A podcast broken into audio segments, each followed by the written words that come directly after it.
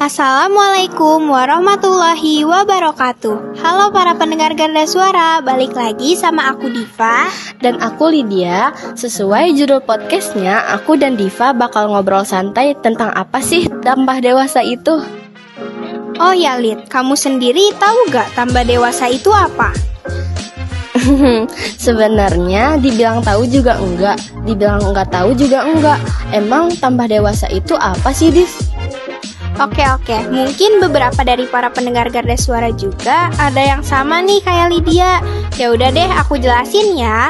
Jadi dewasa itu berarti sudah matang. Matang di sini artinya baik matang secara biologis maupun secara psikis. Ya intinya bisa dibilang tambah dewasa itu gak perlu nunggu tua Karena kedewasaan itu gak selalu beriringan dengan berkurangnya usia loh Oh, jadi tambah dewasa itu gak mandang umur ya, Div? Iya Lydia, basically semua orang juga bisa dibilang punya kedewasaannya masing-masing. Tapi rata-rata dari mereka tidak pernah menyadarinya loh. Jadi contohnya itu seperti pola pikir.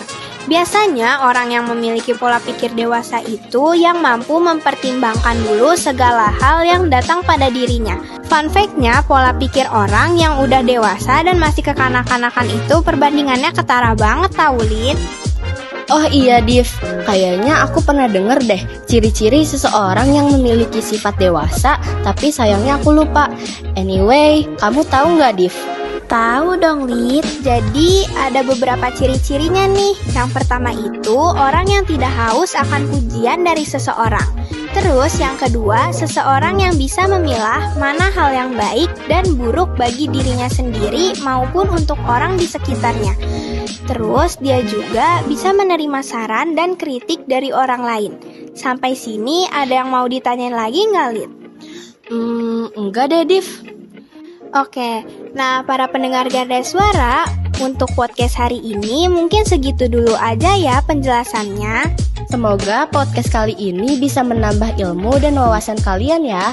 Kita berdua mengucapkan terima kasih banyak sudah mendengarkan podcast kita berdua sampai akhir.